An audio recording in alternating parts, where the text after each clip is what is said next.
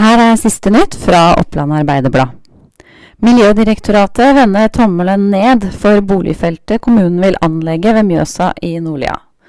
Direktoratet er dermed enig med Fylkesmannen i Innlandet om at planen strider mot nasjonale og vesentlige regionale miljøinteresser.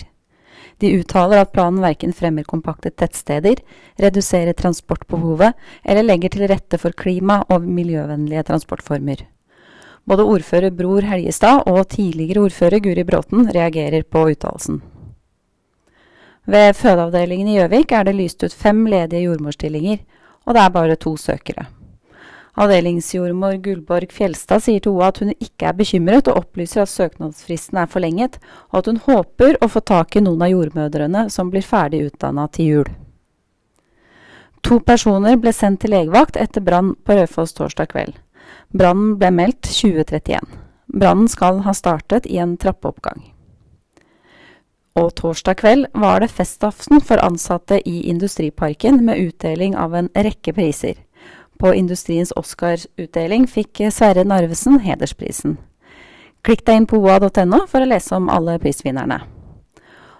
Og så har det kommet meldinger om at det på Toten er glatte veier, så vi oppfordrer bilister til å kjøre forsiktig. Og det var siste nytt fra Oppland Arbeiderblad.